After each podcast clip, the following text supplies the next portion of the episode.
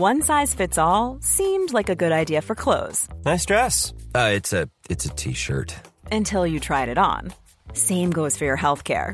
That's why United Healthcare offers a variety of flexible, budget friendly coverage for medical, vision, dental, and more. So, whether you're between jobs, coming off a parent's plan, or even missed open enrollment, you can find the plan that fits you best. Find out more about United Healthcare coverage at uh1.com. That's uh1.com. Everyone knows therapy is great for solving problems, but getting therapy has its own problems too, like finding the right therapist, fitting into their schedule, and of course, the cost. Well, BetterHelp can solve those problems. It's totally online and built around your schedule. It's surprisingly affordable too.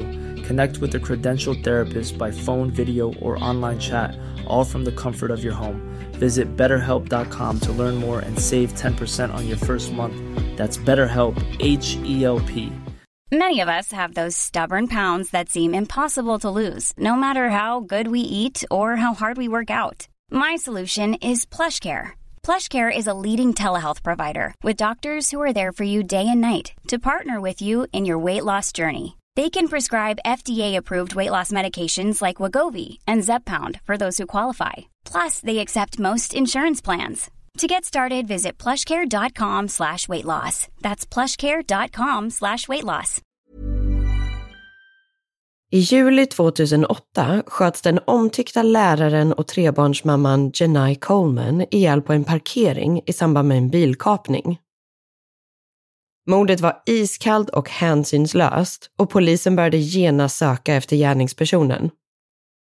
Bevisföringen ledde raka vägen till en man som matchade in perfekt på beskrivningen från vittnen och övervakningskameror.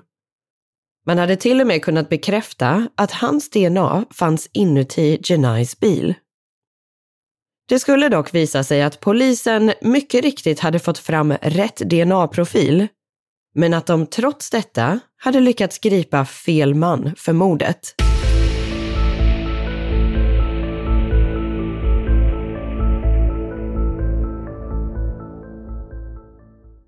Hej på er och varmt välkomna ska ni vara till en ny vecka och ett nytt avsnitt av Rysapodden. Och det är alltså Annie här, men eh, med en väldigt förkyld och hes röst. Men jag tänkte att det kanske ändå föredras att stå ut med en hes röst än att det inte blir något avsnitt alls. För den här veckan ska jag faktiskt ta er igenom ett fall som känns ganska så unikt. Och både jag själv och Mickis och säkert många av er som lyssnar tycker jag att det är väldigt intressant med fall som har kunnat lösas med hjälp av eh, till exempel genetik eller olika typer av DNA-teknik. Så just det här fallet passar definitivt in i den kategorin, men på ett lite mer ovanligt sätt som vad jag kan minnas aldrig har nämnts här i podden tidigare. Det ska dock sägas att det inte finns allt för mycket information om det här fallet, så det blir nog därför ett lite kortare avsnitt den här veckan. Men utifrån hur min röst låter just nu så kanske det är lika bra. Men med det sagt så tycker jag helt enkelt att vi tar och kör igång.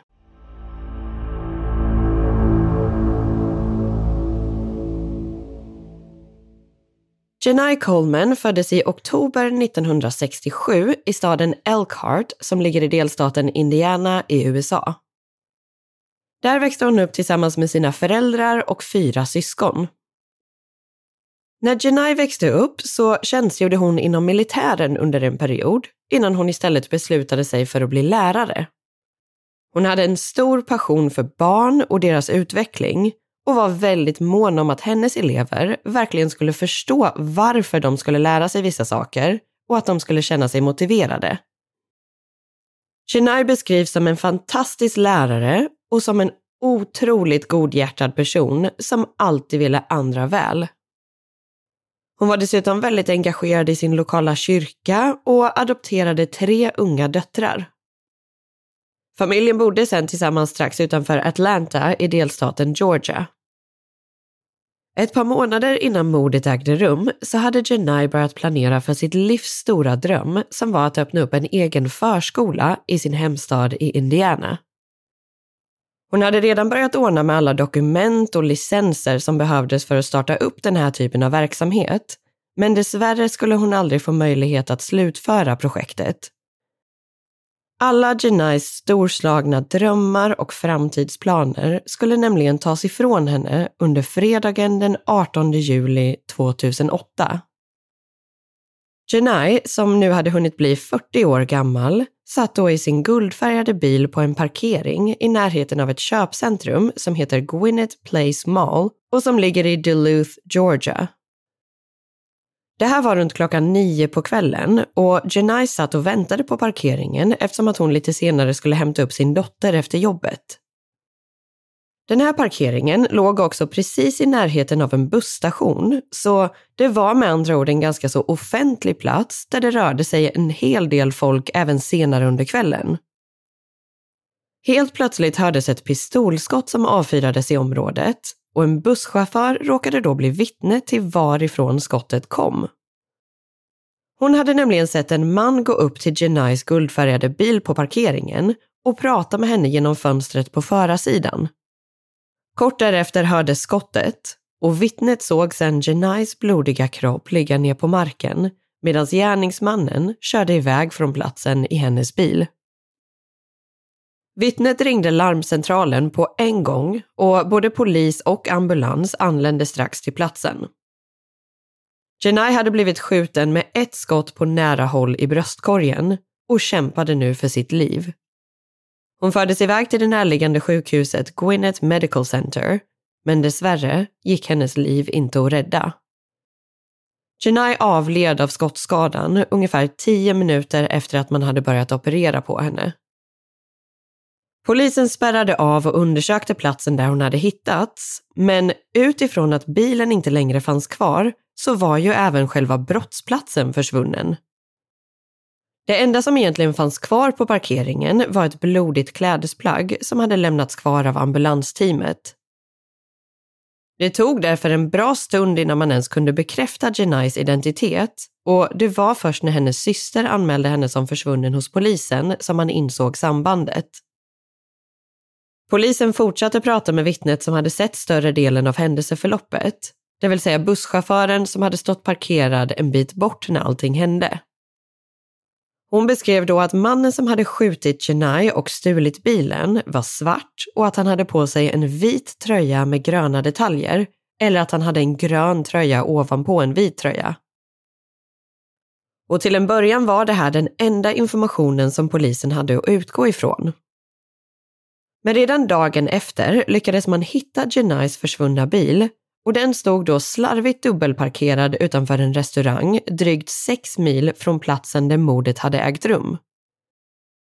Polisen hade nämligen lagt in registreringsnumret på den stulna bilen i systemet och en annan polis i området hade sedan flaggat att han hade sett fordonet i fråga och kort därefter kunde man då slutligen lokalisera bilen. Och tur var väl det, för eh, polisen hittade sedan flera intressanta saker både inuti och utanpå bilen.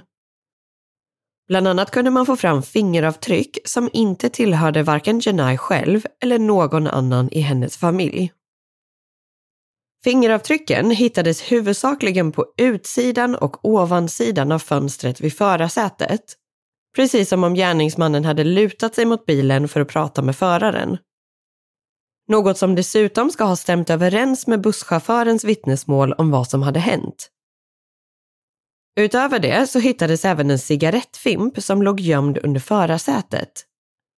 Och med tanke på att Jenai själv inte rökte och aldrig frivilligt skulle tillåta någon annan att röka inne i hennes bil heller, så insåg polisen att det troligtvis bör vara gärningsmannens cigarettfimp. De hade också en teori om att han hade haft fönstren öppna när han körde bilen och att han hade slängt ut fimpen från förarsätet, men att den sen hade blåst tillbaka in genom fönstret bak till i bilen och därefter landat på golvet under förarsätet.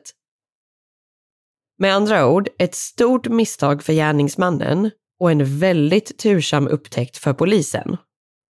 Det visade sig nämligen att det fanns manligt DNA på den här lilla cigarettfimpen men dessvärre kom det inte upp någon matchning när det sen lades in i systemet. Samma sak gällde med fingeravtrycken och trots att polisen nu hade all den här bevisföringen kunde man inte koppla ihop det till en faktisk person. Men utredningen fortsatte Och polisen hade även börjat samla in material från övervakningskameror runt omkring området där Jenai hade blivit mördad och platsen där bilen hade hittats. Och det dröjde faktiskt inte länge innan man fick syn på en person som matchade in väldigt väl på busschaufförens beskrivning av gärningsmannen och kläderna som han hade haft på sig. På det inspelade materialet från området kring brottsplatsen så syns nämligen en man gå in på en närliggande butik ett par gånger för att köpa öl och senare ett paket cigaretter. Och inte vilka cigaretter som helst, utan av precis samma märke som den Fimpen som hittades under förarsätet i Genais bil. Den här mannen har dessutom på sig en vit tröja med gröna ärmar, lite som en baseballtröja. Han har också på sig ett par beiga cargobyxor och bär på en svart väska.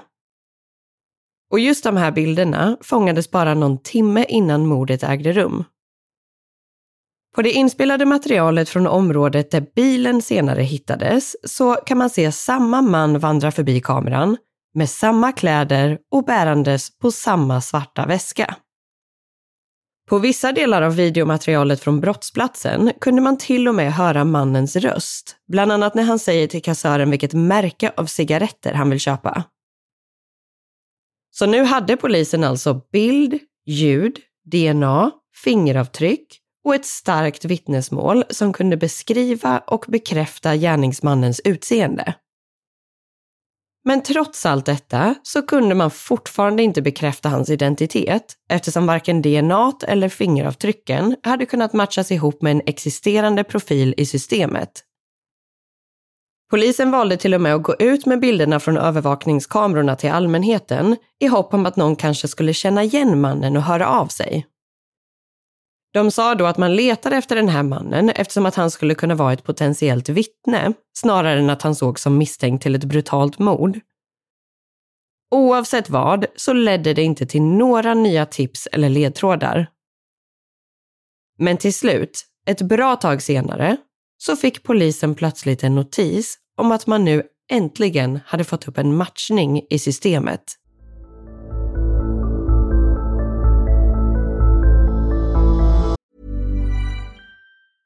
Life is full of awesome what ifs, and some not so much, like unexpected medical costs. That's why United Healthcare provides Health Protector Guard fixed indemnity insurance plans to supplement your primary plan and help manage out of pocket costs. Learn more at uh1.com. Burrow is a furniture company known for timeless design and thoughtful construction, and free shipping, and that extends to their outdoor collection.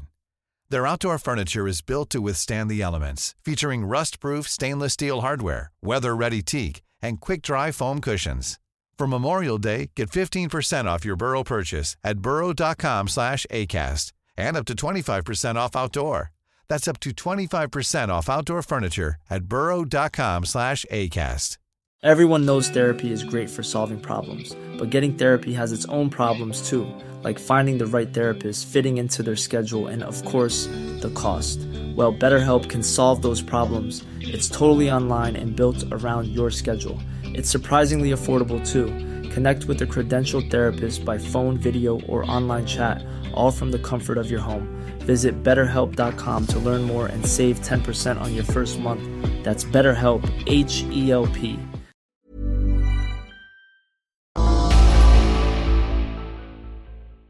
DNA-profilen från cigarettfimpen som hade hittats i Genais bil hade nu kunnat kopplas ihop med en man som bland annat hade åkt fast för väpnat rån och av någon anledning hade det dröjt ovanligt länge innan informationen hade lagts in i systemet. Det här blev såklart ett enormt genombrott för polisen som genast valde att kalla in mannen på förhör. Och det här var precis i början av 2010, så drygt ett och ett halvt år efter att mordet hade ägt rum. Mannen i fråga var i 50-årsåldern och hette Donald Eugene Smith. Polisen var helt övertygade om att de nu hade hittat sin gärningsman och att fallet nu äntligen skulle bli löst.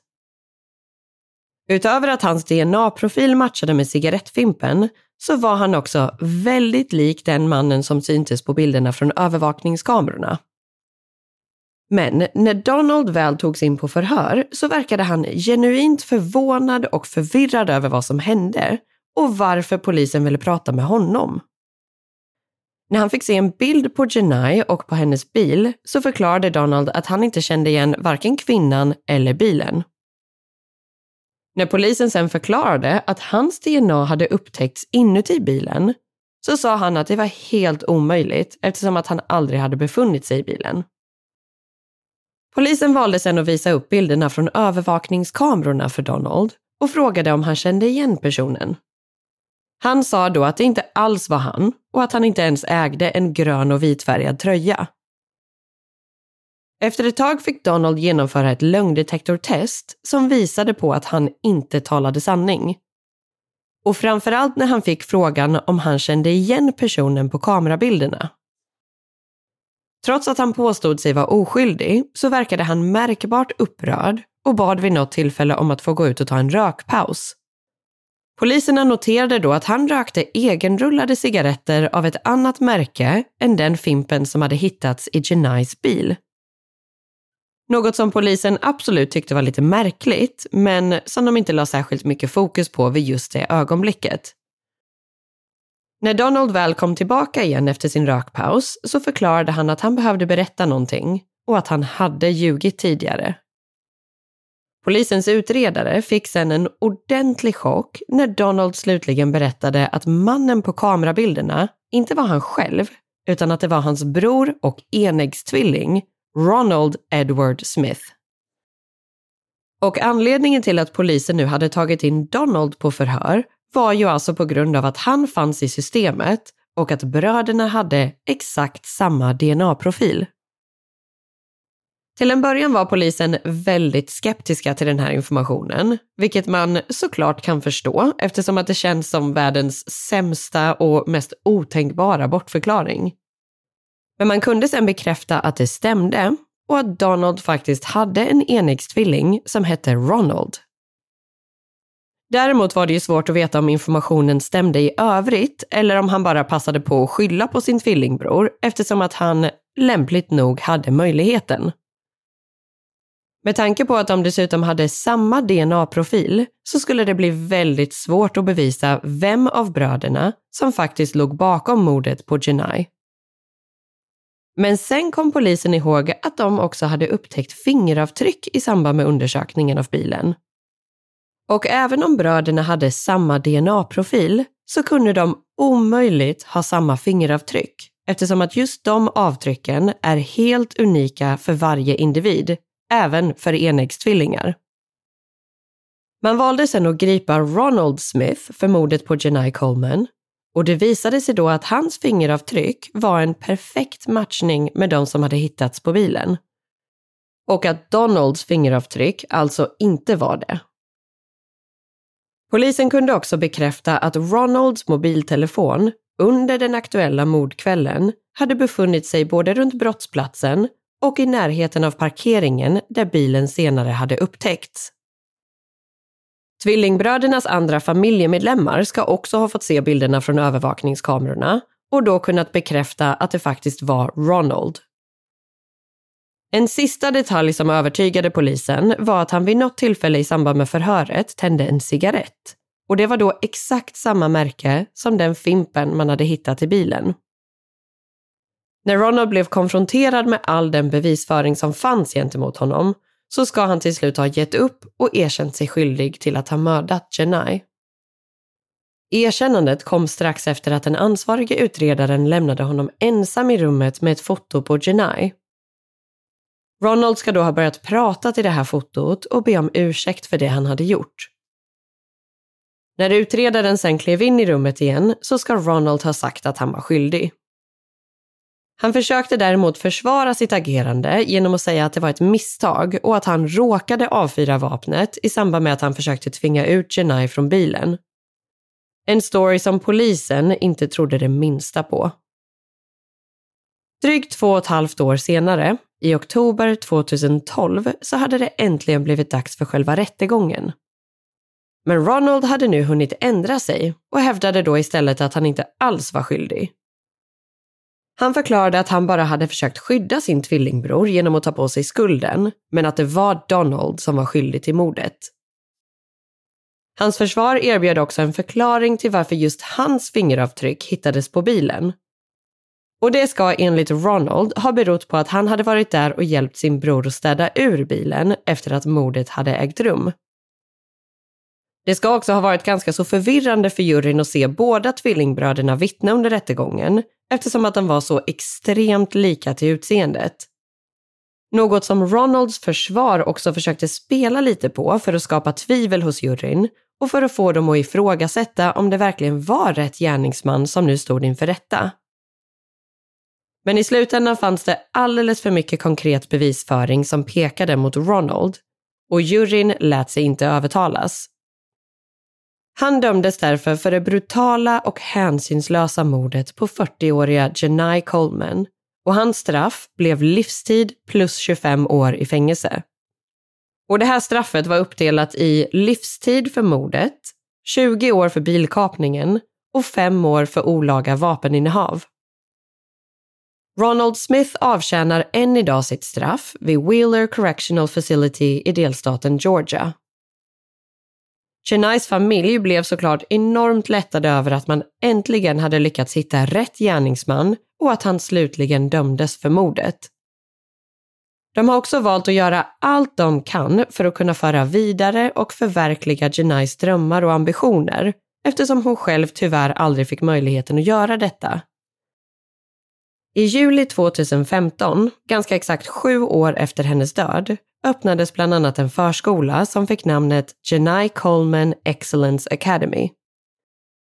Skolan är fortfarande aktiv idag och ligger i hennes hemstad Elkhart, Indiana. Jenais mamma, Dr. Geraldine Brown, är ansvarig för verksamheten och i deras egna ord så beskrivs skolans största mål som att varje barn ska få tillräckligt med stöd, uppmuntran och motivation för att lyckas i allt de tar sig för. Geraldine har uttalat sig om att familjen upplever både en oerhörd smärta men också en enorm stolthet på en och samma gång när de tänker på Jenai. Och trots att hon inte längre finns kvar i livet så kommer hennes arv och gränslösa kärlek alltid finnas kvar och leva vidare hos hennes egna döttrar och för kommande generationer av elever.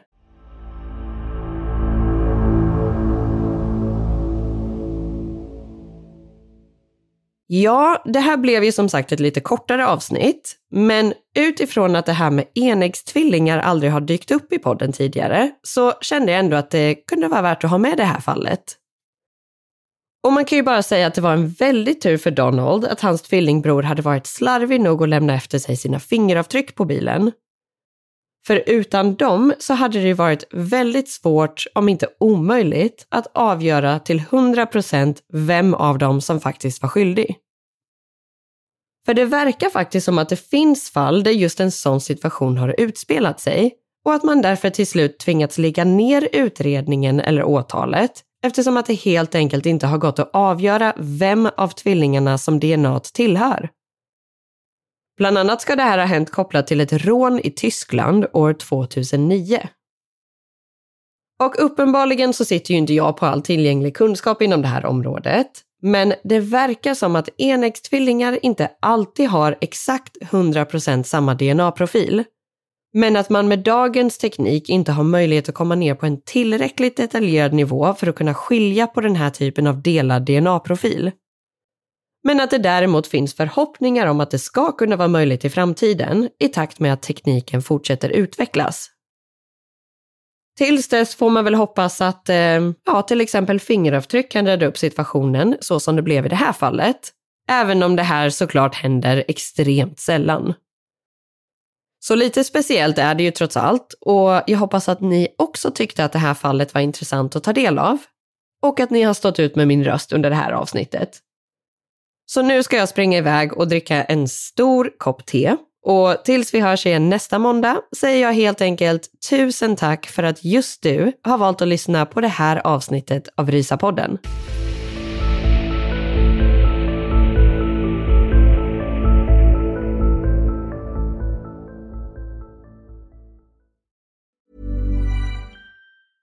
Hey, it's Danny Pellegrino from Everything Iconic. Ready to upgrade your style game without blowing your budget? Check out Quince. They've got all the good stuff shirts and polos, activewear, and fine leather goods, all at 50 to 80% less than other high end brands.